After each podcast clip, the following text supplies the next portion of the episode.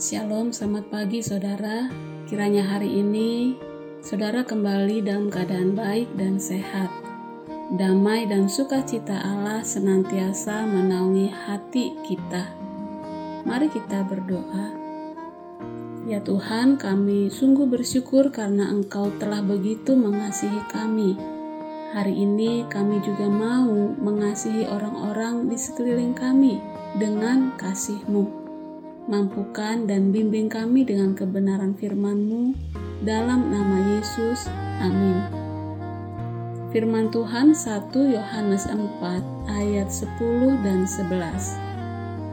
Inilah kasih itu, bukan kita yang telah mengasihi Allah, tetapi Allah yang telah mengasihi kita dan yang telah mengutus anaknya sebagai pendamaian bagi dosa-dosa kita Saudara-saudaraku yang kekasih, jikalau Allah sedemikian mengasihi kita, maka haruslah kita juga saling mengasihi. Mengasihi sesama adalah harus. Kasih itu harus nyata terlihat. Ada orang yang berpikir bahwa mengasihi itu cukup urusan pribadi dengan Allah yang tidak harus ditunjukkan kepada sesama manusia. Itu namanya pamer kesalehan, katanya. Dan mengasihi Allah lebih penting daripada mengasihi sesama. Apakah demikian? Kita harus paham bahwa Allah kita adalah Allah yang kasih.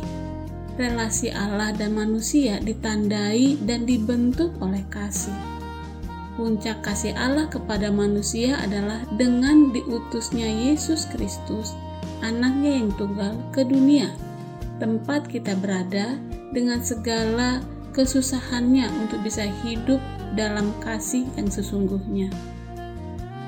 Justru oleh kematian anaknya lah kita menjadi hidup.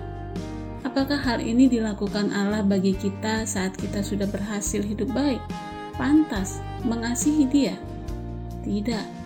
Justru ketika kita masih berdosa, lemah, dan jahat bahkan. Kasih Allah ini harus kita pahami seiring dengan kematian, salib yang harus dia pikul.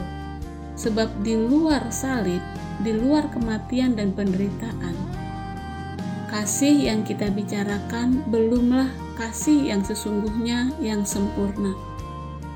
Betapa kita bersyukur telah mengalami kasih yang sempurna, dan sebagai wujud nyata kita telah mengalaminya Firman-Nya hari ini memerintahkan kita untuk saling mengasihi, bahkan harus mengasihi. Memang melakukannya bukanlah perkara mudah, tapi dengan mengingat salib yang Yesus pikul untuk membuktikan betapa kasihnya kepada kita, ini akan sangat menolong dan memampukan kita. Mengasihi yang nampak di depan kita menjadi bukti kita mengasihi Allah yang tidak nampak sehingga dengan demikian mereka akan dapat merasakan dan melihat Allah. Saling mengasihi dapat kita mulai dengan perkataan dan perbuatan.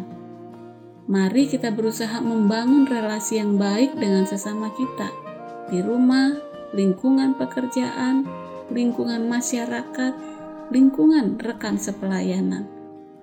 Kiranya kasih yang kita perjuangkan untuk kita berikan adalah seperti kasih Allah kepada kita dalam Yesus Kristus.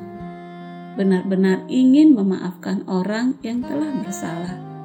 Dengan demikian, mereka dapat merasakan kasih Allah yang tidak nampak itu lewat tangan kita, kehadiran kita.